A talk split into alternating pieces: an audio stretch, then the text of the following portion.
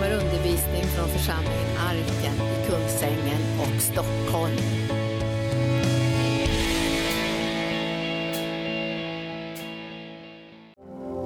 Välkommen helige Ande. Just att göra orden levande för oss. Det är det sättet som vi vill möta ditt ord, Herre, genom att det blir uppenbarat genom Andens hjälp. Vi ställer oss till ditt förfogande. Vi vill lyssna som lärjungar lyssnar och tar det till sig och omsätter det i praktiken. Och vi tackar dig, Herre, för att du ger oss ett nytt ljus och ny klarhet genom din Andes hjälp. Vi överlåter oss Herre till dig och vi förväntar oss att få en uppenbarelse och ett ljus som är större än någonsin tidigare. I Jesu namn och församlingen sa. Tack lovsångare. Ja, eh, den här eftermiddagen så ska vi försöka eh, få en större klarhet om eh, hurdan Gud är. Och sen ska vi få en ännu större klarhet om hur vi själva är. Så att vi inte liksom eh, tänker för smått om Gud och inte tänker för smått om oss själva. För ska det bli någonting gjort i den här världen så kommer ni märka vilken utsträckning Gud har planerat att tänka använda oss. Så om vi skulle liksom eh, hoppa åt sidan liksom, och inte ställa oss till förfogande så, eh, eh, så går inte de planer liksom, i, verkställighet som han har för oss och för den här världen. För han har gett människan i uppdrag att verka och vara verksam i den här världen och göra hans vilja. Och göra mängder med fantastiska ting som ska göra att hans rike utbreds här. Gudsriket tar form här på jorden. Och därför så är det liksom eh, ibland en, en ynkedom när vi får saker och ting om bakfoten som om att det, det gäller att vara så, framstå så liten och så eh, hopplöst omöjlig som möjligt. Som att det här är ingen, jag har ingenting att räkna med och jag kan ingenting och jag vet ingenting, jag förstår ingenting och, och, jag, och jag, jag är bara liksom eh, i vägen. Det, det, meningen är att jag ska bara ställa mig tätt ut med ena väggen och helst smälta ihop med den så att jag inte, så att jag inte märks. Då tänker jag, då har jag ödmjukat mig i kubik. Och det är liksom ofta en, liksom en total missuppfattning om vad ödmjukhet är. Ödmjukhet det är liksom att vara mjuk och formbar för Gud så att hans vilja kan bli gjord genom ditt liv. Att du inte drar dig undan för att göra hans vilja. Det är ödmjukhet.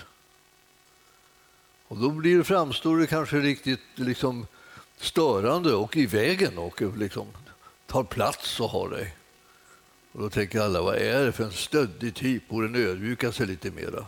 Men kanske Gud har en plan med den människans liv som ser ut på det här sättet. Och det ska bli någonting som kräver plats. Så man kan ibland ha anledning att fråga varför står jag här? Och varför står du där? Ja, det, det är meningen att vi ska stå där Herren vill placera oss och inte på något annat ställe, för då står vi i vägen. Men där han placerat oss, där står inte vi i vägen, utan det är det andra som står i vägen om de gått och ställt sig där. Så ju klarare vi har det liksom med det här, vad vill han ha oss? Hur vill han ha oss? På vilket sätt vill han använda oss? Ju mer de här sakerna klarar, klarar desto bättre blir det för alla parter. Så har vi en stor Gud. En så stor och mäktig Gud. Alltså han, han kan göra liksom människor till något underbart, fantastiskt och härligt. Han kan använda dem på ett sätt som andra liksom bara älskar dem för att, att de blir använda av Gud. Han, han, kan bli så glad liksom, över att han har fått lov att ställa dem där han vill ha dem. Och, eh, så att han liksom nästan tänker, ibland tänker jag att han sjunger lite grann för att han är så uppåt över att han lyckats få någon att ställa sig där han bett om att de skulle stå. så att det liksom, då tänker jag, underbart, äntligen har jag den där på rätt plats istället för att den står liksom och, och krånglar och morrar med någon annan på samma plats som den ska stå på så liksom blir det bara en massa spänningar av allt sammans. Herren liksom, han, han, han, har en sån glädje över det där. Jag tror också det att varje människa som kommer på rätt plats börjar känna lite glädje. Det är ganska skönt liksom att, det, att få, få komma liksom på, på plats. Liksom. Man tänker, gode Gud, vad är min plats? Ja, man skulle gärna vilja stå på min plats, tänker man. Eh, Måtte han tala om det för mig någon gång? Och du vet att eh, du, du, du kan känna att det, det, här är, det här är inte omöjligt. Alltså, om, om Gud vill ha dig på plats och du vill komma på plats, vad är det för odds på att det här ska ske då? De är goda de oddsen. Väldigt stor chans att du kommer rätt när du börjar vilja samma saker som Gud. Men du vet att eh, eh du, du, behöver liksom nollställa dig lite grann ändå invärtes för att kunna komma på den plats som Gud vill ha dig på. För att eh, Det är inte så att du ska ha liksom en hemlig önskan så där, om, som du vill pusha fram då, som du vill att Gud ska ställa upp på. Liksom det här ställ upp och gör mig till det här, gör mig använd så här, här, här. Och så pressar du liksom på det åt det här hållet, liksom lite försynt liksom, fast envist, eh, eh när, när Gud vill, vill liksom använda dig på den platsen som han har bestämt för dig. Så var inte, var inte liksom så envis liksom, så att du så egentligen kommer i konflikt med Gud, utan låt honom, liksom, låt honom säga vad det rör sig om. Låt honom liksom bana väg för dig på det sättet som eh, han, han, bara han kan. Och du behöver inte hjälpa honom med det. Det, brukar liksom, det är det som hjälper dig, att du är med på det som han gör. Alltså, du är bara med på det, du håller med honom. Men du, du, du, du pushar inte. Jag vet inte hur, om du förstår det jag menar med det. Liksom för att, att en del vill saker så intensivt så att de, de hör till slut inte vad Gud säger. För liksom, det verkar, de tror att det kan är djävulen som motarbetar dem. Medan det är Gud som håller på och liksom säger ja, det, men det är här som jag vill ha dig. Det är I det här som du, som du är. Det har jag som dig för den här uppgiften. Och du tror att det är djävulen, så du liksom står honom emot det med alla medel. Och, då har du inte så många medel att stå djävulen emot därför att eh, eh dina medel skulle kommit från Herren. Så det där med vad du ska göra, och det du ska göra med väldig kraft och frimodighet, är det som Gud har rustat dig för. Och när, ju mer du liksom får klarhet om vad det är, desto liksom bättre kommer det bli. Både i relationen mellan dig och Gud, men också mellan dig och, och människor. Därför att du kommer liksom till största välsignelse precis där han har satt dig. Och jag, jag, jag har känt det där att det, där är, det, det, är mycket lidande som kommer av att man, att man inte får till det där. Man får inte klarhet om hur, hur man ska handskas med sitt liv. Och vad det, vad det är liksom Herren vill. Och. Men ju mer förtroende du får för, för Herren, hur, hur mer du räknar med honom och hans kraft och hans godhet och hans styrka och hans, hans insikt och hans förstånd och hans klarhet och hans uppenbarelse och hans, hans hjälp och så här. Ju mer du får klarhet om de här sakerna, får tag i de tingen, desto bättre kan säga, blir det för dig och hur lättare har du att låta honom få sin vilja fram med dig. Ska låta honom få det. Man måste liksom på något sätt ge honom tillåtelse. Det är lite konstigt det där. Eh, eh, ibland så vill vi liksom bara, bara utan att eh, vi, vi talar om hur, utan vi tänker så här, vad helst Gud vill med mig, bara, bara gör ett Gud, kör över mig. Liksom. Jag bryr mig inte om vad jag tycker och sådär. Alltså, det, det, det konstiga är att han ofta bryr sig om det ändå. Han vill ha med dig på noterna, liksom, mer än att du bara säger kör över mig. För att det, ibland tycker man att jag är så krånglig så att jag vet aldrig när jag kommer på rätt köl så är lika bra bara runt i mig. Bara gör din vilja. Bara, bara kom med liksom en ångvält. Bara, ta. Och så, så, kom, så blir det som du har tänkt. Jag blir platt och liksom ödmjuk. Men vi ska ta, gå till ett bibelställe här nu då, för att ni inte ska tro att jag fullkomligt tappat kontakt med verkligheten. Eh, det här är liksom eh, i Efesierbrevet. Vi håller på lite grann i församlingen och talar liksom om bön och så. Eh, jag ska ta en, en, en bit här är slutet på en vers. Eh, jag har haft ut, liksom olika utläggningar av, om, om bönen här, men, men eh, i Efesierbrevet så finns det en, en bön eh, som vi ska titta på lite extra. Och det är i den som är i, jag, ser, jag skrev upp vad det var, 3, 3 och eh, 19. Eh, jag ska se här. Eh, Efesierbrevet, har jag, har jag rätt nu då? 3, 19 och det kan inte vara det. Det måste vara ett. Det måste vara i, eh, inte tre utan, utan här ska vi se. 19 och 20 och 1. Mm. Där har vi den. Det är i 3, 19, 20, 20 19, vers 19, 3 eh, och vers 19, halva vers 19, alltså eh, sista meningen där, eh, står det så här. Så ska ni bli helt uppfyllda av all Guds fullhet han som förmår att göra långt mer än allt vi ber om eller tänker genom den kraft som mäktigt verkar i oss. Honom tillhör äran i församlingen och i Kristus Jesus genom alla släktled i evigheternas evighet. En, ett, en, en beskrivning av Gud och en, en beskrivning av oss. Alltså vem är det som vet bäst, om vi säger så? bara? Först. Vi, vi behöver lära känna Gud som den som vet bäst. Och, vi, det, och det, kan vi hålla med om i princip, men när det kommer till kritan, liksom, när det kommer till den konkreta situationen så tenderar vi vilja, till att liksom tala om för Gud vad som är bäst. Vad är bäst för mig och vad borde du göra för mig och vad, vad är det som lämpar sig? Liksom så, här. och så kommer vi in på det och så trasslar vi till det där. Och därför så är, står det här så att att det är så att Gud, Gud han, han, han, han ska så, vi ska bli, göra oss så uppfyllda av all Guds fullhet. Alltså han kommer att verka så att hans fullhet kommer till oss till del.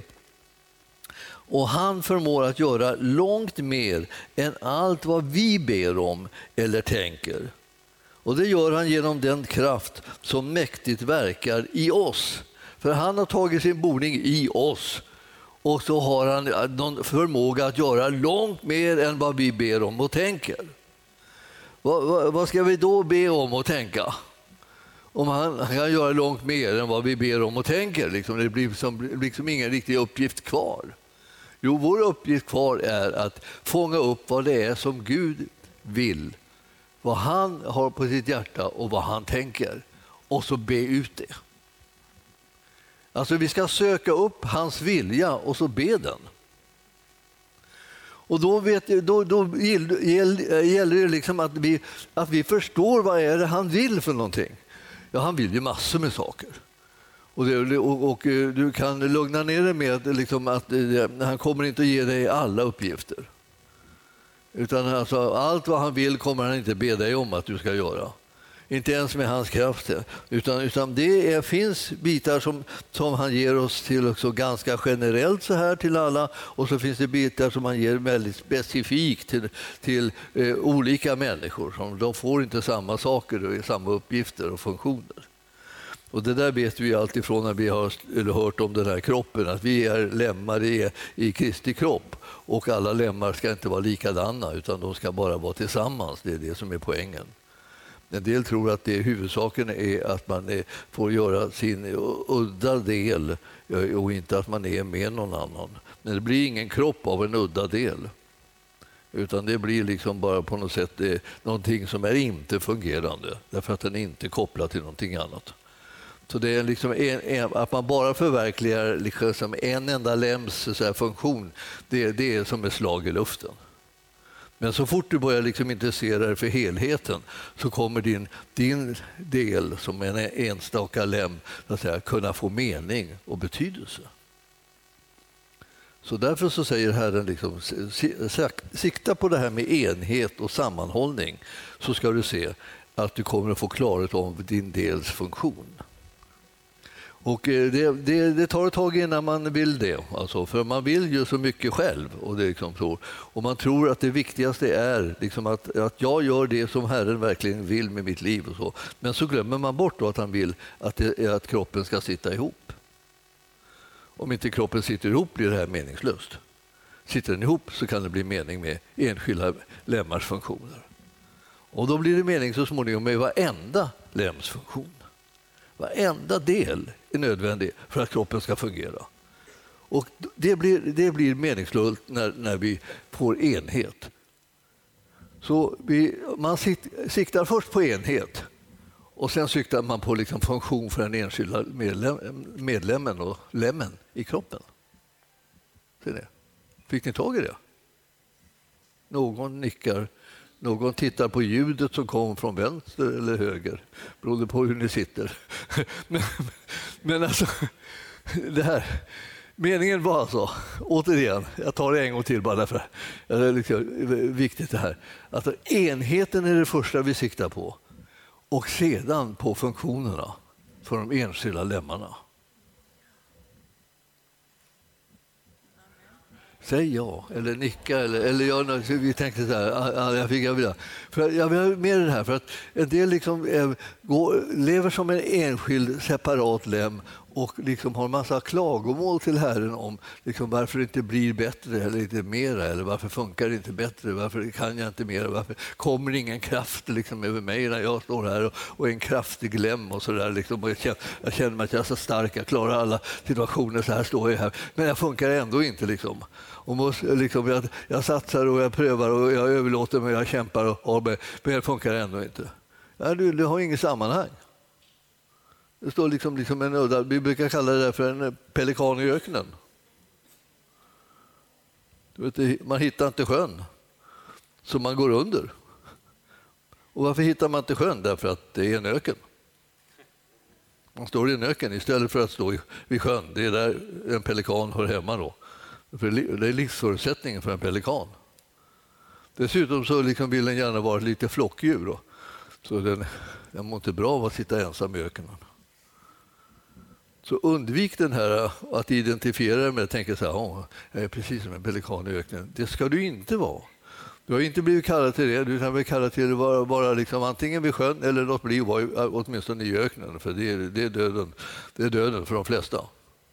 Så ni förstår att vi, vi kallar det liksom till enhet och så är vi kallade till att hamna på rätt ställe, det är så att säga, där livet kan komma. Och kommer, livet det kommer där, där, vi har, där finns enhet. Och då finns det någonting som är förutsättning för enhet som alltid dyker upp då för, och som älskar enhet och det är en helig ande. Den heliga Ande dyker upp där det är enhet, älskar enhet fullkomligt. Det är enhet så liksom där, han kan lukta sig till enhet. Alltså, när enhet finns där så kommer han. Alltså. Den här eftermiddagen ska vi eftersträva att få till en enhet som kommer att dra ner den heliga Andes närvaro och kraft och verk bland oss så att Guds vilja kan bli gjord. Vi ska, vi ska, vi ska sikta på att liksom, vi ska få Guds kraft att verka inom det område som är under och tecken. Och då behövs det till en, en enhet. Man får lägga undan en del andra saker. Så här, liksom. Och så enhet är det som är liksom, saken. Därför vi ska inbjuda den heliga ande. Han får magknip om, om han kommer liksom, och det, liksom, alla bara liksom, har spänningar och svårigheter och avskyr det ena och andra, kritik och uppror och allt vad tjopps ligger en soppa i hela församlingen. Så här, kommer en helig ande susandes för och tänker nu ska det bli en härlig eftermiddag. Och så kommer han ner och bara, bara kris och kaos. Liksom. Han bara, han bara flyr. Han är känslig. Det är därför som man liksom brukar beskriva honom som en duva. Han lyfter direkt om det liksom om det liksom här, här, är det, här är det ingen som vill ha någon enhet. Här är det bara, var och en bara tänker på sig själv. Nej, nej, nej, nej, vi måste ha enhet. Och så ska vi inbjuda en helig ande att komma med sin härlighet och sin närvaro så att hans vilja blir gjord bland oss och inte bara våra liksom, önskelappar. Det är ju inte ens en vanlig julafton. Liksom, man har lämnat in en lista så man blir sur om den inte blir uppfylld. Ja, man skriver så många önskningar i sina böner så tänker man så här, varför de inte blir uppfyllda blir man bara bittrare och bittrare. Utan här, här ska vi nu låta det som Herren vill uppfyllas. Och det gör vi genom att vi ställer oss tillsammans i enhet och inbjuder den heliga Andes närvaro. Tror ni att det kan bli någonting? Jag hoppas att ni, att ni tror det. För jag, jag vet inte riktigt liksom någon annan väg än det här att vi börjar tro Gud om saker. Om saker som, som han förmår och sen börjar vi tro Gud om saker som han kan göra i och genom våra liv. Och mitt ibland oss därför att vi är eniga om att han är välkommen att få sin vilja fram bland oss. Vi står till Herrens förfogande för att vara, vara hans kropp här i världen. Ja, ni såg att det här var en, eh, en, en, en härlig vers alltså.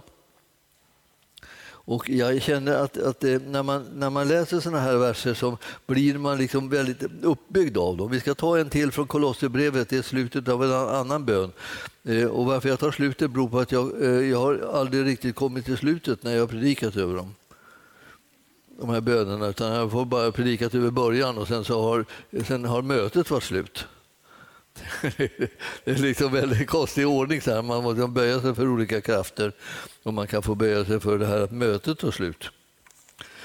Och eh, då eh, ska vi eh, titta på Kolosserbrevet 1 och så verserna 11 och 12. Det är de två sista verserna i, i den där bönen. Och där står det om hans om Gud nu då. Hans härlighetsmakt ska då styrka er och ge er all kraft till att vara uthålliga och tåliga i allt. Med glädje ska ni då tacka Fadern som har gjort er värda att få del i det arv som de heliga har i ljuset. Alltså det här är hans härlighetsmakt. Det här är ju liksom det som vi brukar prata om. Liksom, det är väldigt skillnad på vad det är som är makt och vad det är som är kraft. Alltså för det ena, liksom, det ena är liksom mera, vad kan vi säga, vilande vilande kraft, så att säga, eller vilande makt, eh, eh, eh, vilande styrka som inte liksom sätter sig i rörelse. Det kallar vi för makt. Om man har makt och auktoritet då betyder det inte att man gör något särskilt utan det är mer någonting som man har. Och eh, om man har det så kan man sätta igång och demonstrera kraft och styrka. Men man behöver inte göra det alltid, utan men man behöver bara ha det. Så har man det så, så plötsligt så, så, så påverkar det ändå. Gud har härlighets, en härlighetsmakt som gör att där han, han kan göra allting. Och när han dyker upp så sätter han liksom på något sätt sin prägel på hela tillvaron därför att han är där. Så att det liksom räcker att han är där. Det finns, det finns ju människor ibland som det räcker att de är där. Det, det kan kännas lite orättvist. Vi andra får kämpa ganska mycket för att det ska märkas att vi är där. Men, men om man bara liksom eh, kommer, eh, kommer där och har den här makten eller den här auktoriteten i sitt liv så kan det räcka med närvaro för att, det, det, att allting ändras. Så, så folk kan hålla på och eh, eh, bråka med varandra eller krångla med alla möjliga områden. Och så, här. och så plötsligt kommer en annan person in i, i den här i gemenskapen och då lägger sig det här käbblet. För den personen kom in med en auktoritet och en makt som gjorde att eh, det kändes plötsligt att det, det gick inte an att hålla på med det här som vi höll på med innan därför att nu har den kommit in. Och det här är liksom så, Gud har det här i kubik. Så när han kommer in, då, då, då, liksom, då kommer det här andra av sig. Och därför så kan vi säga, för att vi som längtar efter att det här käbblet och konflikterna och spänningarna ska komma av sig, så ska vi inbjuda Gud så mycket vi orkar att vara närvarande där, där vi är. Alltså. Så får vi alla för att säga, vara med och vara bärare av Herren också in i situationen. Så när du kommer så kommer han. En härlig tanke. Så nu, nu kan du säga, kommer du? Nej, vi kommer. han, han och jag kommer. Ja. ja. för nu har jag liksom ställt mig till hans förfogande, så vi, det är vi nu. Och e-, egentligen är det mest han, om det vill sig väl och jag inte liksom bara sväller till på något sätt igen, utan så blir det mest han. Och det där med att, det, att mest han kommer är väldigt hälsosamt för de andra. Då känner de det är liksom väldigt skönt på något sätt. Och efter ett tag när, lagt, när chocken har lagt sig över att plötsligt kom Gud så känner de vad härligt att han kom. Nu plötsligt så stiger hopp hoppet och tron och glädjen och kärleken liksom bland oss. Nu börjar det liksom bli en förvandling som förändrar våra liv och, och, och, vår syn på oss själva och vår syn på Herren och vår förväntan på vad som ska hända i våra liv. och så. Det är det som Herren håller på att försöka få eh, liksom, väcka till nu bland oss. Han tänker så här, vad, vad ska inte hända om Gud kommer här? Om du börjar välkomna Herrens ande här och jag börjar välkomna Herrens ande och, och den som sitter bredvid börjar välkomna Herrens ande och den ena efter den andra välkomnar Herrens ande, så plötsligt så, så känner Herren sig välkommen. Och, och, och han är välkommen mitt ibland oss för att göra någonting bland oss. Alltså. Inte bara liksom att serva en, utan att, att kunna göra någonting gott bland oss allihopa. Och jag, jag vill att du ska tänka på det här att, så här, att vår, vår, vår uppgift är väldigt mycket att, att välkomna Gud. Kom, alltså, heliga Ande. Det så, fanns sådana bönerop liksom, som, som var inte mycket mer än just det. Kom, helige Ande. Kom. Ja, du, alltså, du kan ju det där bön, böneropet ganska snabbt. Liksom. Har lärt dig, lär utan till. Kom, helige Ande. Kom, helige Ande. Så du kan, du kan tänka det nu. då. Du kan säga det till honom utan att säga det högt. behöver du inte göra utan Du kan bara säga kom, helige Ande. För nu, nu är vi här och nu behöver vi dig och vi vet att du behöver att verka genom oss och bland oss för att Guds vilja mer och mer ska kunna ske i våra liv så att vi kan utgöra den enhet och den kropp som du har kallat oss att vara. Så kom heliga Ande.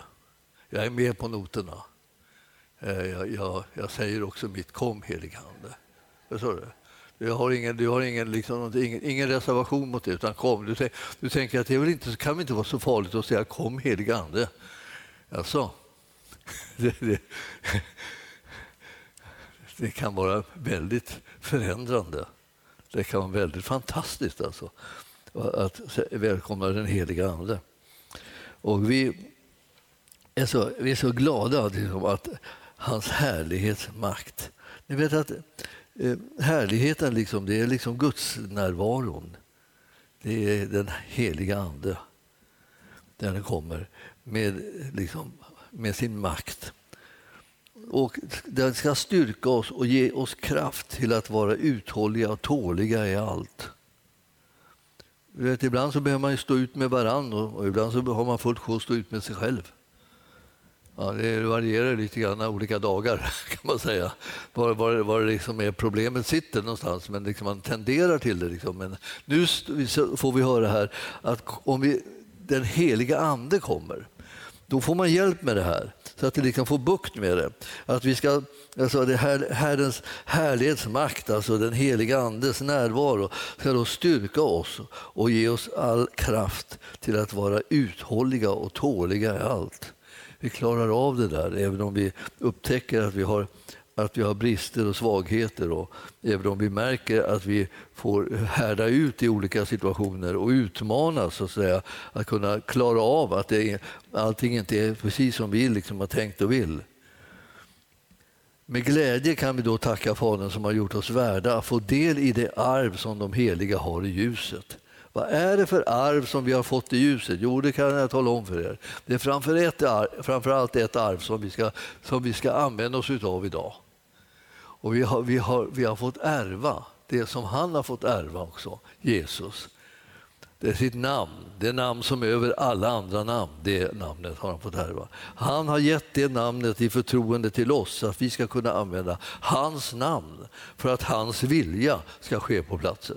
När vi ber i hans namn, när vi begär saker i hans namn så kommer det bli så som vi säger. Därför att det är, vi har rätt att tala i det namnet. Och det som Fadern behöver göra, det gör han då. Och det som Sonen behöver göra, det gör han då. Och den heliga Ande gör det som den heliga Ande ska göra. För vi använder hans namn och vi har full auktoritet, makt och rättighet att använda det namnet, vi som tillhör Jesus Kristus.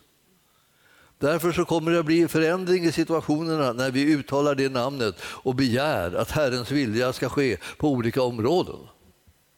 Det finns kraft i det här namnet. Det är det namnet som får varenda knä att böja sig. Det är inför det namnet som alla måste böja sig slutligen. Det finns inte någon som kommer komma undan. Alla kommer att få böja sig för det här namnet. För det är, makt och kraft i namnet Jesus. Den största makten som finns i den här världen och i den som kommer. Det är namnet Jesus. Och vi, vi, ska få se hur alla kommer att acceptera det namnet och säga ja, vi erkänner det namnet har, har makten. Vi böjer oss för det. Vi lägger oss på våra knän och vi erkänner hans, hans unika ställning. Han som, har, han som har vunnit seger på Golgata. Alltså jag vill säga det att, att det här namnet, det är så fantastiskt att vi har fått rättigheter att använda det namnet så att det, det, går nästan inte att, och liksom, och förklara alltså hur, hur, hur underbart det är. Men hur, när vi ser vilken verkan det får, när vi använder det här namnet och i tro talar till omständigheterna och situationerna så kommer ni, ni märka det rent konkret hur Herren kommer att förändra och förvandla det, de situationerna och, och möta de behoven som finns. Herren har makt att göra under. Han, hans kraft kan förlösas genom att vi sätter tro till det här namnet och dess konsekvenser eh, när vi stöter på djävulens alla gärningar. För Jesus gick omkring och omintetgjorde djävulens gärningar. Alltså de, han, djävulen hade liksom påbörjat någonting och ner, sin nedbrytande verksamhet och Herren kom och omintetgjorde det. Så att ett, ett, bara ett ord från honom och det hela fick en helt annan liksom, eh, utväg och en helt annan lösning och en helt annan situation uppstod efter det att han hade talat. Det blev så att folk blev så upprörda och de blev så glada och de blev så, eh, så chockade och de blev allt möjligt. Så här. Men det, det fantastiska var att det var rent konkret liksom makt i det namnet som, med, som förlöste kraft när det uttalades. Och, eh, eh, och då böjde sig liksom fienden och mörkret fick vika undan. Nu är du bärare och har ansvar för, för det här namnet. Och vi ska använda oss av det namnet när vi, när vi betjänar nu eh, de syskon som behöver hjälp. Jag vill säga till dig att det här är som någonting som du ska titta på lite grann när du läser din bibel. Alltså hur är det med det här namnet? För du är en arvtagare till det. Du har rättigheter att använda det nu. Det är liksom det som vi behöver upptäcka. För att om vi är för att säga, okunniga om det här så kommer namnet inte i, igång i, liksom, och, och svingas inte som något härligt segrande svärd utan det liksom, blir som bara en tystnad kring det. Eh, och, eller så blir det liksom en liten tradition som man bara, som man bara tar då med det här namnet. Jag vill att vi ska, eh, vi ska titta i Apostlagärningarna 4 och 10 bara helt snabbt. Där, för där kommer ni ihåg att vi såg en sån här demonstration av det här namnet när, när eh, lärjungarna var på väg upp till templet efter, efter Jesu död och uppståndelse. Och så eh, stötte de på en man eh, som satt och tiggde där. Och då i fyra och, eh, och eh, tio eh, var det väl, så, så, så säger de så här att så ska ni alla veta i hela Israels folk att här, den här mannen står frisk framför er nu. Det var liksom den situationen de stod inför Stora rådet skulle liksom förklara sig varför de hade botat en man här. Han står frisk framför er i kraft av Jesu Kristi Nazarens namn. Honom korsfäste ni, men Gud uppväckte honom från de döda. Alltså, det här är, det här är viktigt, liksom, att eh, människorna gjorde en sak på grund av sin felaktiga bedömning. Men Gud han gjorde någonting helt annat och det var det man fick böja sig för. Människornas bedömning var liksom att, det här, att det här skulle nu liksom inte få ske och Gud eh, gjorde det genom det namnet. Eh, och eh, han uppväckte honom, eh, eh, som, Gud uppväckte honom från de döda. Det här, det här är, är ju Jesus namnet som kommer att vara det starkaste namnet som finns i världen. Och så, hos ingen annan finns frälsningen, inte heller finns under himlen något annat namn som givits åt människor genom vilket vi kan bli frälsta. Så det börjar med den här fantastiska frälsningen som sker genom namnet och sen så börjar, fortsätter det med att också människor blir helade genom att i det namnet så blir de lösta. Och den här lame mannen han kom på sina fötter och eh, prisade Gud och hoppade omkring och det blev ett otroligt eh, eh, eh ståhej eh, eh, där där på, inne på tempelplatsen och det var, det var eh, kämpigt och påfrestande för de religiösa sinnena. Men så är det ju alltid, liksom, att eh, stillhet och, och eh, liksom, begravningsstämning är någonting som lägrar sig ofta på ställen där man egentligen borde ha glädje och, eh, och, och frid och rättfärdighet som är, som är typiskt för Guds rikes närvaro. Så, så får man istället liksom någonting som man knappt kan andas och knappt vågar prata och som man smyger in i kyrkorna. Och man märker att fort man kommer över tröskeln så gäller det att vara tyst och försiktig och inte stöta mot någonting. Så det blir något, något, något störande. Och det, det, är naturligtvis inte typiskt för Guds rike, det är bara typiskt för kyrkor. Men, men för Guds rike så gäller ju någonting om rättfärdighet och, och, och frid och glädje i den heliga Ande. Det är det som är typiskt för Guds riket. Så när man ska släppa in det, man ska släppa in rätt sak så att man får del av det som är rätt och inte hamnar i någon slags eh, dödens gryta. Ja, eh, det där kan jag ta tillbaka, det sista. Hörde ni att jag tog tillbaka det? Ja, det är bra. Det var helt onödigt. Eh, ja, sen ska vi ta ytterligare ett ställe. Vi ska gå till Markus 16. Markus 16 och 18. Det är ett, eh, ett mäktigt ställe, därför där står det nu inte bara det vad det namnet var, var det här står det liksom att nu allihopa. Man behöver inte vara liksom en, en, en, eh, eh, en apostel eller någonting sånt där. Man behöver inte vara någon så speciellt utvald och har varit var bland de första som följde Jesus eller någonting sånt för att man ska kunna använda sig av det här namnet med, med stor kraft och verkan. Utan man behöver vara en sån som har satt tro till Jesus och blivit född på nytt. Det är sådana som du och jag kan bli med lätthet därför att Herren har renat banan vägen för det. Så tar du tar emot Jesus i ditt hjärta och säger Jesus kom in i mitt hjärta och fräls mig, så blir du just frälst genom att du önskar att han ska komma in i ditt hjärta och frälsa dig. Det önskar nämligen han också. När du ber om sånt som han har lovat så får du det.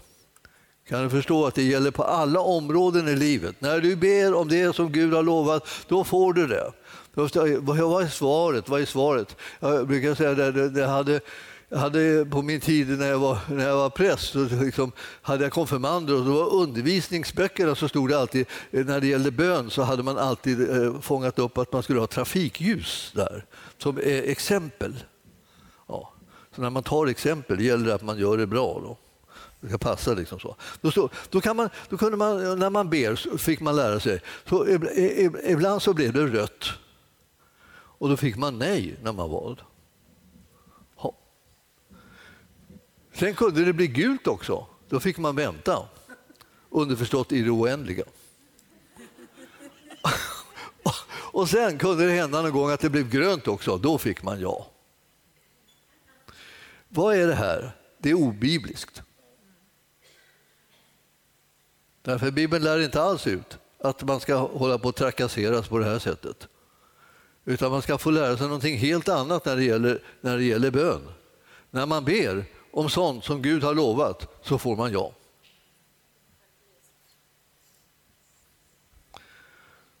Och det var det.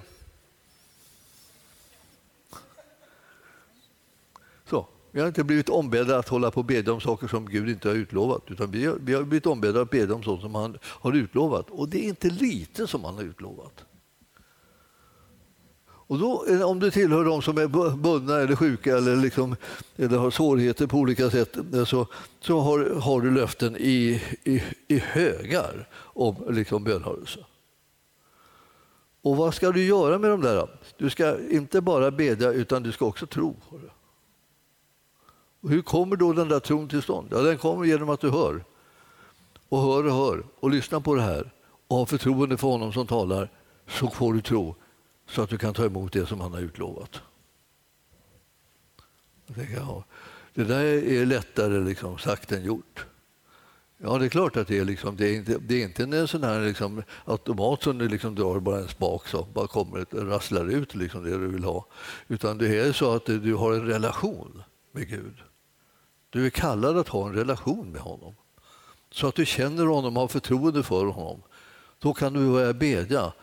För då känner du också till vad han har lovat och då känner du till hurdan han är. Så att du kan börja ta emot bönesvaren. När du börjar komma in på den här vägen börjar tycka att det är en fascinerande väg. Alltså. Att ha en sån bönhörande Gud. Att han har en sån omsorg om oss. Att han bryr sig om oss i allt i stort och smått. Det är helt enastående. 18 versen nu då, i 16 kapitlet i Markus. Där stod det, vi ska inte ta, de här, ta den här grejen med ormar som man ska ta i händerna. Det, det, det är liksom en annan kurs. Utan det är den, mening nummer två. Alltså B, 18b kan vi kalla det för. De ska lägga händerna på de sjuka och de ska bli friska. Ni ser. Här, här, här, är det liksom eh, en instruktion som eh, vi får. Där de, vi som är de troende, för det handlar om dem.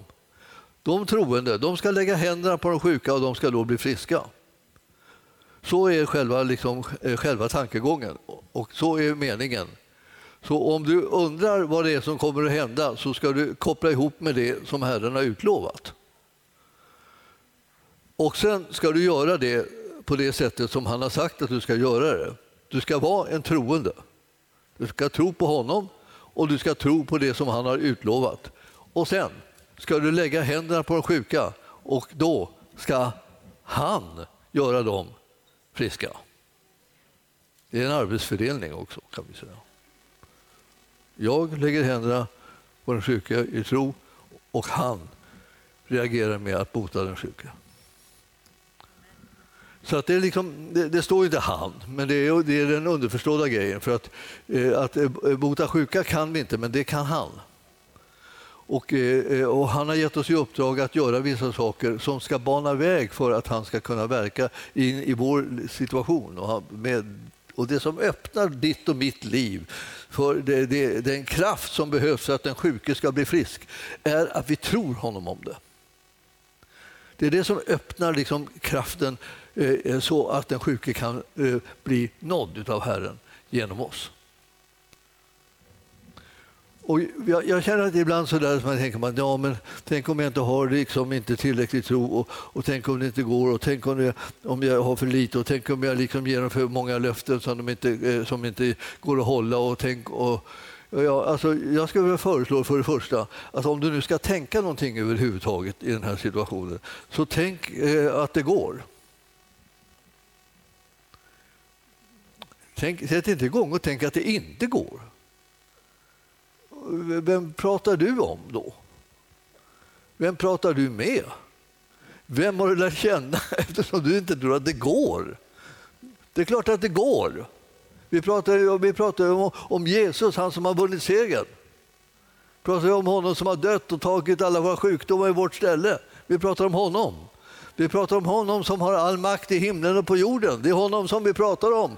Då pratar man om att det går och inte att det inte går. Och är det en konstig bakvänd ställning kan man inte ha. Utan det är liksom segern som vi vinner här som vi ska räkna med. Det är det som vi är inställda på. Det är väl ingen idé att hålla på och be om man inte tror att man ska få något.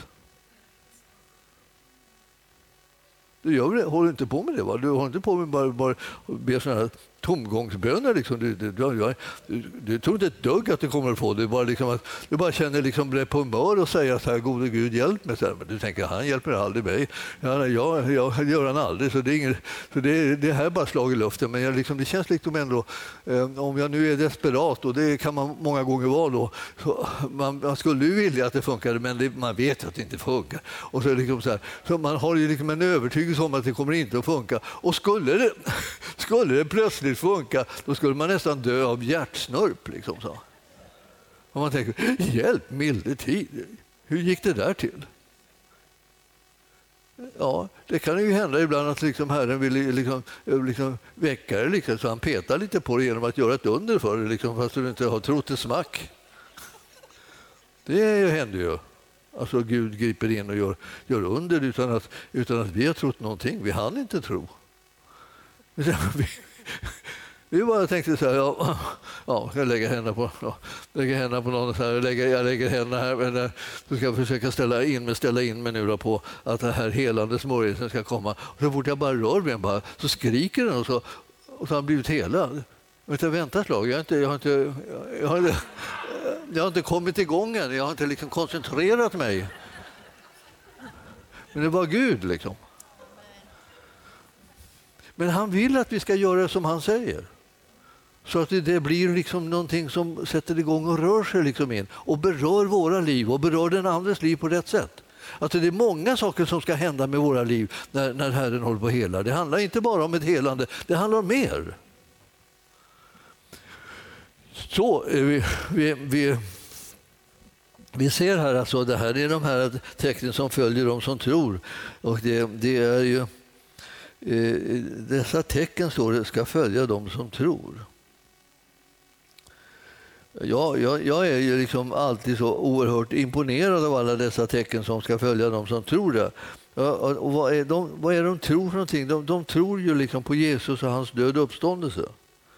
De tror liksom att eh, eh, om, man, om, man, om man litar på det som han har sagt och det som han har gjort, ja, då, då kommer man bli frälst. Man kommer, man kommer bli räddad och man, och man kommer undan eh, all fördömelse och alla fördömelsens konsekvenser. Och, och, och dit hör allt det här som nedbrytande som är i den här världen. Du kommer in i Guds rike och där, där det finns en, en, en, befrielse och en förändring i, i livsvillkoren. Du har fått evigt liv. Så ditt liv är inte bara någonting som håller på och liksom rullar igenom nu och så småningom är det bara slut. Och, och, och eh, så är det med det. Men, utan det här är någonting som, som aldrig tar slut. Du kommer in i en gemenskap med Gud som aldrig tar slut. Och hans makt känner inga gränser. Därför kan du och han tillsammans vara med och förvandla situationen. som råder i den här världen. Och vi är här för att liksom påminna varandra om vad Herren har lovat. Det är viktigt att vi gör honom stor och mäktig. I vårt hjärta ska vi tänka han är den som regerar. Han har all makt i himlen och på jorden. Det är han. Det är han som kan liksom, om inte göra djävulens gärningar. Det är han som kan göra sånt som, som ingen annan förmår. Alltså. Och, och i, i Apostlagärningarna 10 där, ni vet, så, så, så står det om, om eh, hur Jesus gick omkring och gjorde gott och botade alla som var i djävulens våld. Och hur kunde han göra det? Till Gud var med honom. Då vet man ju det att det, det är det som är vår situation. Gud är med oss. Ja, om vi har varit snälla då, är det någon som tänker så här, om vi har skött oss. Alltså, men om man har haft såna här oerhörda floppar i livet som jag har haft så är det tveksamt om man är med. Och då försöker han hålla sig på sin kant, liksom inte försöka bli inblandad liksom, som, man, som man gör ibland eh, eh, i, i, det naturliga. Liksom, att att om det är någon som är riktigt misslyckad så, där, så kanske man vill hålla lite distans till det för att inte tro att man är liksom på samma linje. Men här står det i, i 10 och, och eh, 38 här. Gud smorde Jesus från Nasaret med den heliga Andes kraft. Det där är ju någonting som du och jag också kan bli smorda med den heliga Andes kraft. Och vi, vi behöver inte komma från Nasaret, vi kan komma från Kungsängen eller, eller någonstans i Stockholmstrakten eller något annat land. Vad ska jag komma? Men alltså där, det, det, utan det viktiga var att Gud smorde oss. Så vi, vi, vi, det här med att varifrån vi kom, det betyder liksom det är någonting som vill säga att vi fanns eller finns. Så. Jag, jag, jag kommer från Enskede egentligen. Därför finns jag. Ja, det är en av orsakerna att jag finns där, eftersom mina föräldrar bodde där. Så, och, och, och då hamnade jag liksom också där då, av vissa naturliga skäl. Och där, men, alltså, eh, det, det, är det, men det är inte det som gör att jag blir helad eller befriad eller upprättad eller någonting sånt där. Utan det, det berodde ju på att eh, Jesus eh, som kom från Nasaret, bara för att nämna det, han var smord med den helige Andes kraft.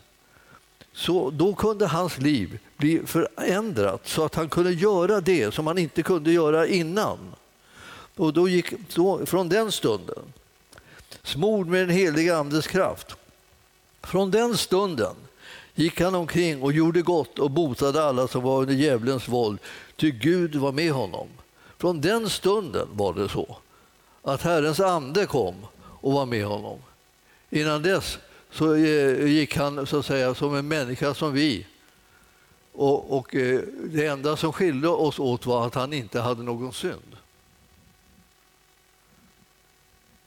Men det, kraften som han fick och som kom från himmelen, det är samma kraft som kommit från himmelen och kommit oss till del.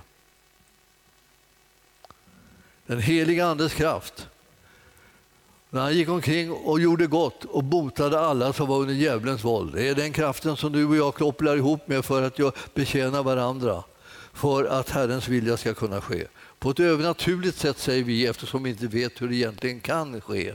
Det vill säga vi vet varför det sker, därför att det är den heliga Ande som har kommit. Men vi förstår inte hur det fungerar. Det, det behöver vi inte. Det är ingen som är intresserad egentligen hur det fungerar. Jag, jag, jag sällan liksom, det, man, men, jag, det, det, var inte min tanke. Sen. Jag låg på en gång och blev opererad. Så, så när jag vaknade plötsligt där Alltså, jag har ju bara ett minne av att jag gick in i själva operationsrummet och satte mig på liksom den här blitzen där. Och, så. och sen så slog jag upp ögonen och så låg jag i en säng. Och, eh, och jag levde fortfarande och, och allt hade gått bra, sa de så här. Jag vet inte eh, om de alltid säger det eller om det var det de sa. De sa det så. Det var kanske så helt enkelt. Bara, och allt hade gått bra och då tänkte jag tack Jesus. Och eh, sen brydde inte jag mig om hur de hade gjort. Skar ni si eller skar ni så här? Liksom, det blir, struntade jag i.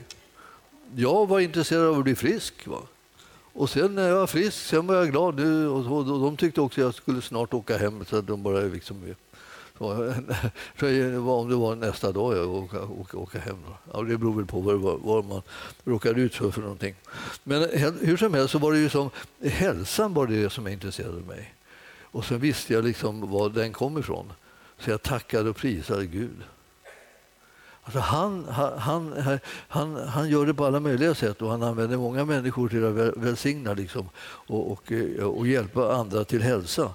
Men eh, ibland så gör han det på den där liksom, liksom rejäla undrens väg också.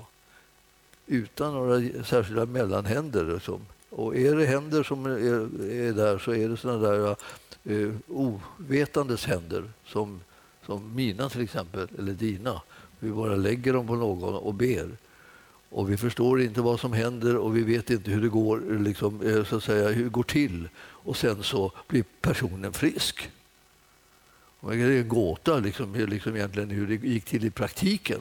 Men vi vet ju varför vem det var som var och färdig där. Jo, det var Herren, honom som vi har livsgemenskap med, som verkade helande inne i den här personens liv som vi la händerna på. Så vi räknar med Gud. Vi har ingen anspråk på att förstå hur han gör. Men vi, vi, vi har anspråk på att, att tro på att han gör det som han har lovat. Att han botar den sjuke. Jag ska ha ett bibelställe till som innan, innan vi går till, till det, praktiken. Då, då. Och eh, ska se vad det var någonstans. Eh, jag fick för mig att vi skulle ta det, men vi behöver hitta det. Och jag hoppas att ni har likadant i era biblar massor med understrykningar som gör att det, ni ska kunna hitta saker bättre. Men så visar det sig att i praktiken så funkar det inte riktigt det så där snabbt. Nu kom jag på var det var någonstans. Eh, ska vi se. 19. Mm. Ja, där är det. Eh, det är trettonde kapitlet och eh, versen 38-39. Det är, det är en vers som man har, som man har liksom bakat ihop till en vers. Versen 38-39 har blivit en vers. Det beror vad det verkar på att översättarna inte riktigt har vetat hur de skulle kunna översätta de här två verserna separat var för sig. Vi får väl se, vi läser här vad som står. Därför ska ni veta detta, mina bröder, Eh, att eh, det är genom honom som syndernas förlåtelse predikas för er och att var och en som tror förklaras rättfärdig i honom och är fri från allt som ni inte kunde frias från genom Mose lag.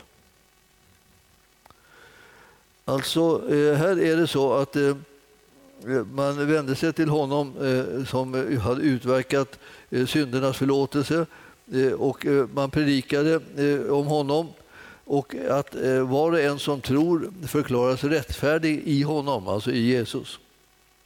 Och fri från allt som ni inte kunde frias från genom Mose lag. Ja. Det var ju en hel del som man då inte kunde frias från genom Mose lag. Men och, och, och, som gick till väga, där man gick på väga på annat sätt även om man liksom hade, eh, gjorde liksom olika typer av ansträngningar och ibland så Gud grep in och gjorde saker för människorna. Eh, eh, och, men genom Mose lag så var, var inte samma sak som man fick tillgång till när man fick tag i namnet Jesus. För då fick man liksom tag i den som hans namn som stod för att eh, ett försoningsoffer utan like hade framburits eh, för alla människor för att de skulle kunna bli rättfärdiggjorda, eh, helade, befriade och upprättade och att djävulens gärningar skulle kunna omintetgöras så att människor skulle kunna bli fria och lösta ifrån det som tidigare höll dem fångna. Och eh, det här är, den här fantastiska liksom befrielsen som var utan motstycke, som man aldrig hade sett maken till förut, det var den som kom genom tron på namnet Jesus. Både tron från den som använder namnet Jesus och tron på den som låter sig liksom eh, betjänas genom det namnet. Och när vi, när vi nu ska använda namnet Jesus och sätta tro till den väldiga makt som det finns i det namnet så, så vill jag säga till er som är förebedjare att ni liksom ska vara, ni ska vara eh, liksom fokuserade och koncentrerade på att det är Herren som gör verket. Men ni tror honom om det. Alltså. Så ni får inte liksom tänka att det är inte öppet för att ni ska tro någonting annat utan ni ska bara tro honom om det. Det är han som kommer att kunna göra det här. Och när ni, när ni ber om det och begär saker och ting så är det det. Du förstår, ibland så när man använder ordet begär och i, med, med, i samband med eh, namnet Jesus så är det så att man begär från mörkret att de släpper taget om den som de plågar på det här viset eller begränsar genom det. En sjukdomsande eller något sådant kan man eh, begära att den lämnar kroppen. Och eh, när så sker liksom då genom att man, man talar ut det här namnet Jesus och begär det Eh, så blir människan löst ifrån det som har varit själva drivkraften till den här sjukdomen. Och, det, här, och den, den förlossningen så att säga, som, som kommer då eh, gör att, att helande sen kan man be in helande. Och om det inte sker eh, bara omedelbart, och det kan hända också att det blir bara omedelbart, det följer att, att helandet flödar in. Men ni, ni förstår att eh, det här att man begär, så begär man det av det sjuka, av det onda, liksom att det släpper sitt tag. Men, men annars är det ju så att i namnet Jesus begär man också, eh, och, och, då är det mera i form av bön, att her, Herren ska hela den. Och så ber man i enlighet med de löften som vi har fått att, alltså, att om vi lägger händerna på de sjuka så ska de, eh, de bli friska, det vill säga då ska Herren göra dem friska. Det är bön i, i, den, i, i den riktningen då betyder det liksom att man vänder sig egentligen till Herren och ber om det här. Därför att han har lovat det i ordet. Och så sätter man tro till att han gör det. Så det är liksom två. Och här i bibel, bibelöversättningarna så brukar det stå bara eh, ber och, och, ibland ber och begär tillsammans. Liksom sådär. Eh, och det är olika tillfällen liksom, när det ena betyder begära liksom, från mörkret och det andra betyder att man ber till Herren för att han ska göra någonting positivt av läkedomsart så att säga, in i människans liv. Och eh, vi, vi, behöver liksom bara tänka på situationen, vilket ord eh, vilket bibelord vill du använda för att eh, betjäna syskonen så att du har det liksom i sinnet så att du ber rätt. Annars kan man be liksom lite hit och dit så här, om allt möjligt och blanda alla bibelställen. Men utan du ska ta det bibelstället som, säger, som handlar om antingen om att det är frågan om en befrielse eh, och då kräver du någonting av mörkret i namnet Jesus. Eller om du vill ha ett helande, då ber du till Herren om det helandet och ber att han ska komma och göra verket. Då är det han som kommer och gör det liksom, så att säga, för den människan. Så helande och hälsa kommer en till del. Och sen efteråt så ska vi ha då liksom, testa, testa i den mån som det går eh, och låta sig göras liksom av oss eh, bara om det, hur det har blivit, om det har blivit en förändring eller sådär. Och sen kan man också gå och undersöka det där hos läkare och, eh, om, om, om det har blivit annorlunda, om det har blivit förbättringar. Och, eh, och det är det vi tror att det har blivit. Att Herren har kommit med sin läkedom. Eh, vi ska ta och göra så här då att eh, jag har tänkt att vi ska eh, starta med det här att, att be för folks ryggar. Men sen ska vi tänk, tänkte jag att vi efter det ska ta och bedja för andra, liksom andra svårigheter, kroppsliga svårigheter eh, också. Om folk har ont på olika ställen som inte har, har egentligen med ryggen att göra, vad man vet. Nu sitter det saker och ting ihop på ett sätt som jag inte kan liksom reda ut. Utan, utan det, men, men Herren vet ju. Så att på det ena eller andra sättet så kommer han åt det här när du och jag ber i tro på att han kan klara det, att han kan göra det. Det är det som är vår uppgift. Och vi tror tillsammans. Så, att säga. så den som kommer och ska ha förbön får tro tillsammans med den som är förebedjare om att Herren ska göra det verket som han har utlovat. Och eh, för dig så vill han ha helande, befrielse och upprättelse. Och, eh, och du vill detsamma. Och, och jag vill detsamma. Så det kan bli. Och så. När det är flera förebedjare så vill de allihopa detsamma. Att eh, Herren ska göra det. Och eh, fundera inte på hur det ska gå till utan, utan gör det bara det därför att Herren är trofast och han håller vad han har lovat så ska vi göra så här rent praktiskt att vi ska sätta fram lite stolar. Och vi behöver alltså en, en radda med stolar, en, en enda radda. Eh, så, och, eh, för att då börjar vi med ryggarna och ber för, för att, eh, att ryggarna ska bli åtgärdade. Smärtor i ryggen är förhållandevis vanligt och dess olika konsekvenser på olika områden. Och därför så ska vi ta och se nu att, att eh, vi, vi, får betjäna dem som har sådana där besvär. Det kan göra livet oerhört jobbigt.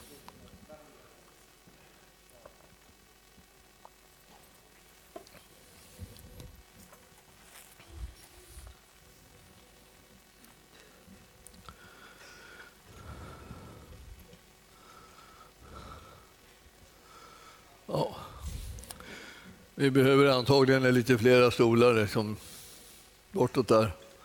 Vi kan ta därifrån också, så slipper ni gå så lång, så lång, lång väg. Eh, och så behöver vi ha ett litet mellanrum, kanske på någon meter på båda sidor, så att vi får plats med förebedjarna vid sidan om. Sådär.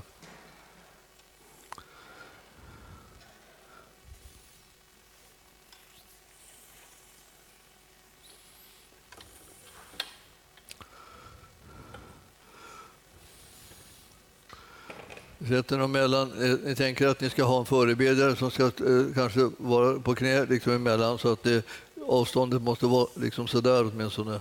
Det kan vara från båda sidor. Så att, inte, så att det inte blir för trångt så här. Ja, det räcker. Då, då för er som har sådana här ryggbesvär Eh, eller, eller ben, eh, besvär med benet, benen också, så, eh, som eh, sitter ihop med det eh, och vill ha förbön för det här så eh, kan det komma fram. Och ni som är förebedjare kan ställa er bakom en stol var och där. Så ni står två vid varje. Vid varje. Jag vet inte hur många förebedjare vi har, men låt oss tänka ni bara ni ställer er bakom. Jag står tillsammans med den som ni ska be. Så. Har vi något speciellt för finsktalande här eller? Någon som är något finsktalande par? Eller? Ja, du pratar finska? Ja, så där har ni två ställen för, för de som är enbart finsktalande. Ja.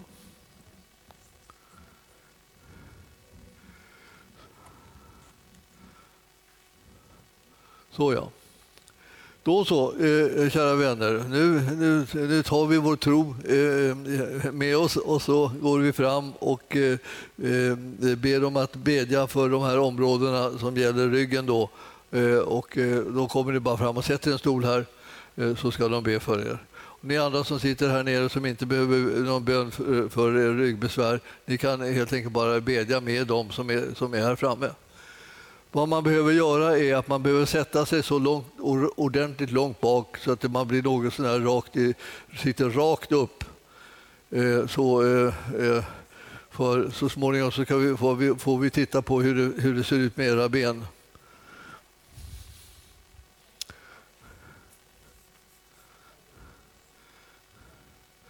Och ni ska inte börja den här bönen nu då förrän jag säger till. Ska bara vara så att vi alla hinner. Så. Det är, det är inga fler som eh, har behovet av det här. Ja, det kommer, det kommer någon. Här.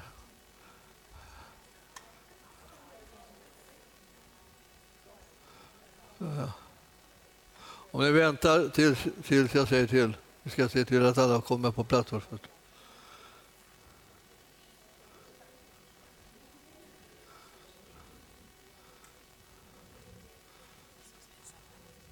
Och jag,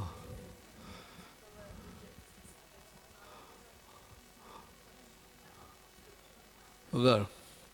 Då är det så här att eh, när vi ber för dem nu då, så ska, kommer vi börja med att vi tittar på liksom, om det är någon större skillnad liksom, eh, på, eh, på benens längd. Det är alltså om de har problem med sina ryggar eller genom att de har någon sån här, eh, liksom, eh, kurva så att säga, på ryggraden som gör att det ena benet blir längre än det andra eller kortare.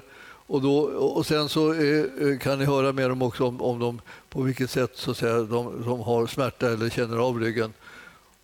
Och om det nu inte är någon skillnad på benen, om det, eh, det, det enklaste är att man försöker och benen håller ut benen lite grann, inte för någon höjd, precis att ni håller ut det och så, och så håller ni, försöker hålla det alldeles rakt kan ni se ofta skillnaden om man tittar på klacken och eh, man viker ut benen lite grann, eh, fötterna lite grann och så, och så ser man eh, om det är här. Och det, det, här är en väldigt grov test, men det är liksom, om det visar sig att det är stor skillnad, liksom, så man har ett ena, ena är så här mycket fast nu håller, liksom, de sitter rakt och håller ut här, så, är, så kan ni bedja för att det, det ska bli jämnt. Och eh, tala till det ena benet brukar kunna gå bra. Eh, det, ni får välja vilket. Så det, det, det, är, det, det brukar, det brukar liksom ge sig. Och eh, sen när jag, eh, så använder ni namnet Jesus. Alltså, I namnet Jesus så kallar ni på det benet att det ska växa ut. Och så eh, håller ni under, under foten eller fötterna så att ni kan se när det rör sig. För då kommer det ut då, delar. Jag Vi kan bedja för det kortare. Vi kan eh, kanske enas om att vi ber för det kortare benet, att det kommer ut och blir enkelt. Och så, eh, eh, så håller ni under båda så att ni inte drar i benen eller har eh, någonting, utan ni bara låter det komma när, när, när, det, när det blir så. Och... Eh,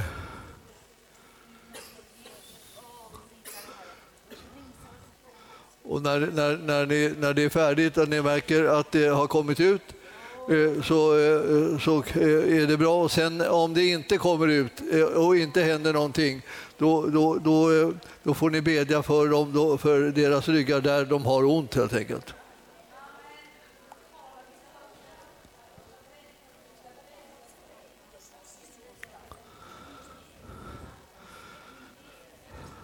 Om ni gör så här, håller, håller, håller ut, håller ut så där så syns det bättre. Och sen håller ni bara under så, får, och så talar ni till det kortare benet att det kommer ut i namnet Jesus.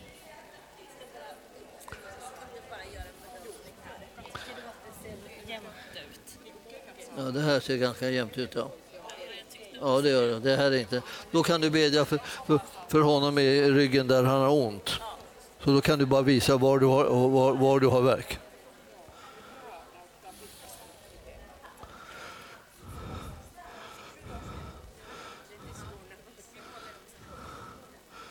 Ni viker ut då fötterna lite grann ut, utåt så ser ni, klackarna, hur, ser ni bättre hur klackarna ligger.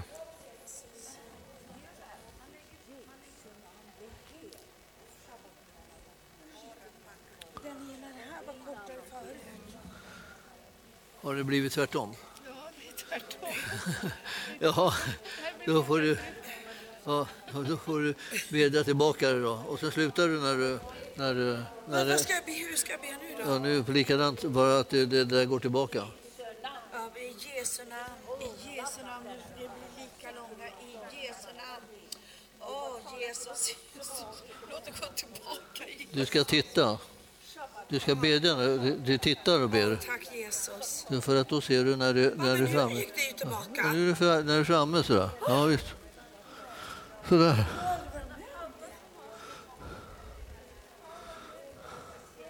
Ja. Jesu namn ska bli lika långa.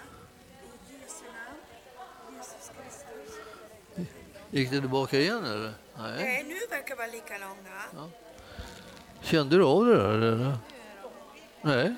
Nej. Det är bara... Ja. Jag är bara här. Ja, det det är bra. Ja, ja, ja, men det där är okej. Ja, men det, det... Har du haft ont i ryggen eh, eh, förut då? Ja, då kan ni bedja för det också lite här uppe så. Ja.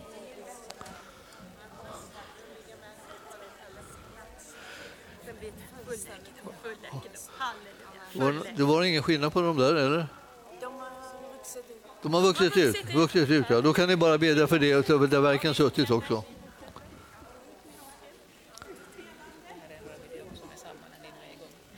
Hade du skillnad på benen eller? Nej. Utan du hade annan verk? Ja, ja men då så, ber ni för det. Okej. Det, var, det var en fin klappning här.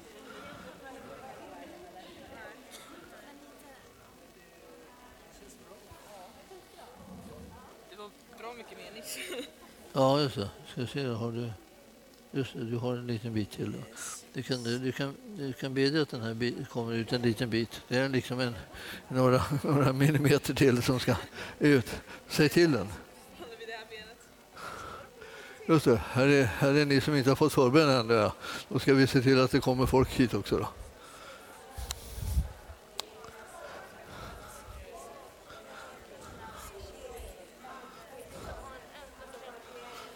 Då så.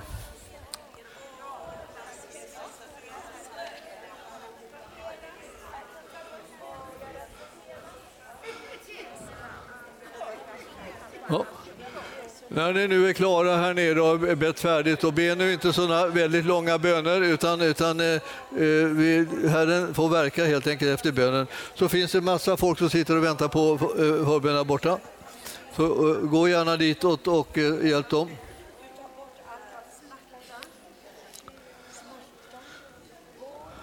Ja, Tack Jesus.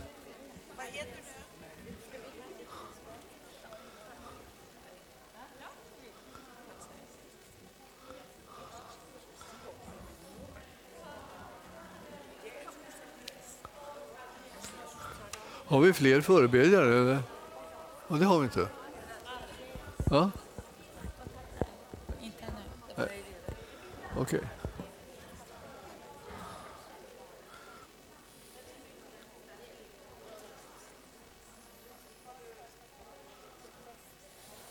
Mhm. Ja, det är bra.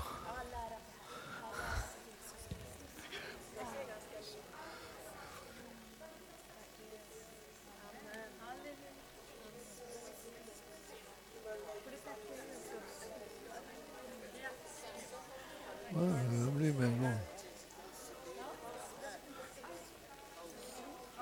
Ja.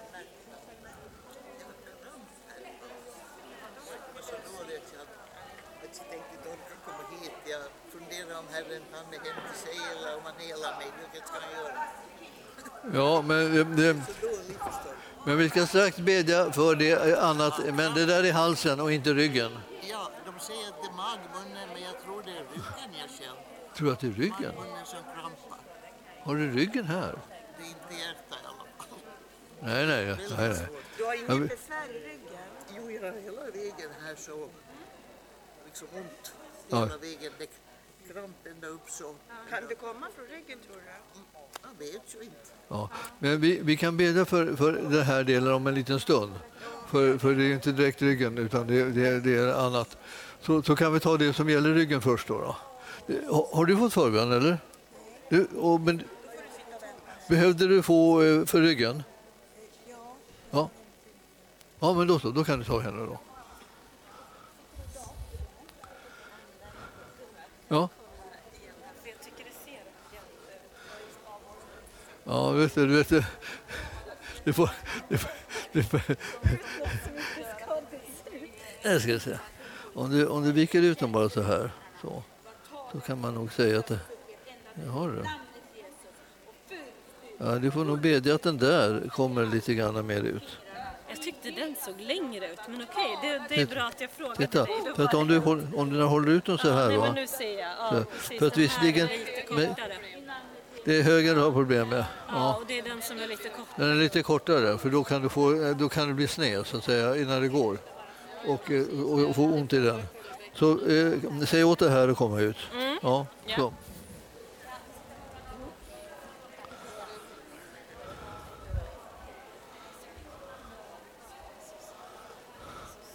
Ja, här har vi några med. Sådär ja.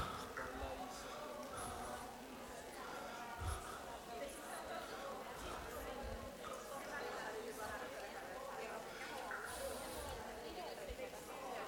Nu är de lika långa Gunnar.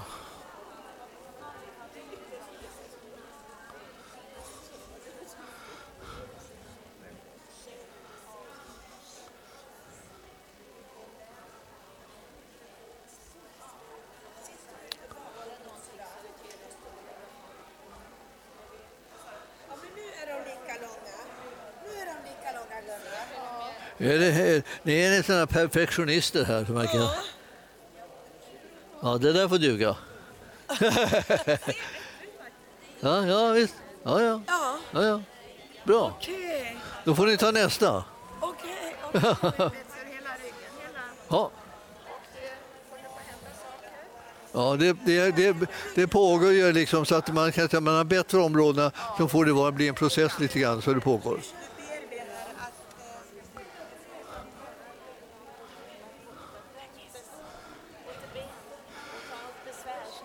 Eh, Ja, ska vi ta lite, lite stilla musik kanske?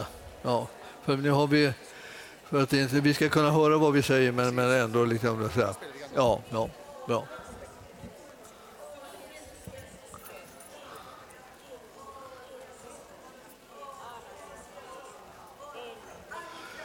Ja, ni som sitter där nere eh, kan vi säga också, kan jag få lite ljud här? Ni som sitter här nere eh, kan ju gärna också eh, gå fram och titta om ni har lust. För eh, alla möjliga ben har faktiskt vuxit ut, om man kan uttrycka sig så. Det kan ju vara så att det retar till sig i ryggen så att det blir liksom lite synligt på benet. Men det, för det spelar ingen roll, för att har man haft verk för att man har varit ojämn så här så retar det till sig så, så, så får man ju betydligt mindre besvär om man kanske försvinner helt och hållet. Det går att titta på det där när de, när de ber. För det syns så tydligt när, liksom det där, när, när benet kommer så där. Utan att, och eh, det är eh, eh, så förbjudet att dra i benen för det är liksom inte lösningen. Utan man bara, bara låter det sköta sig själv.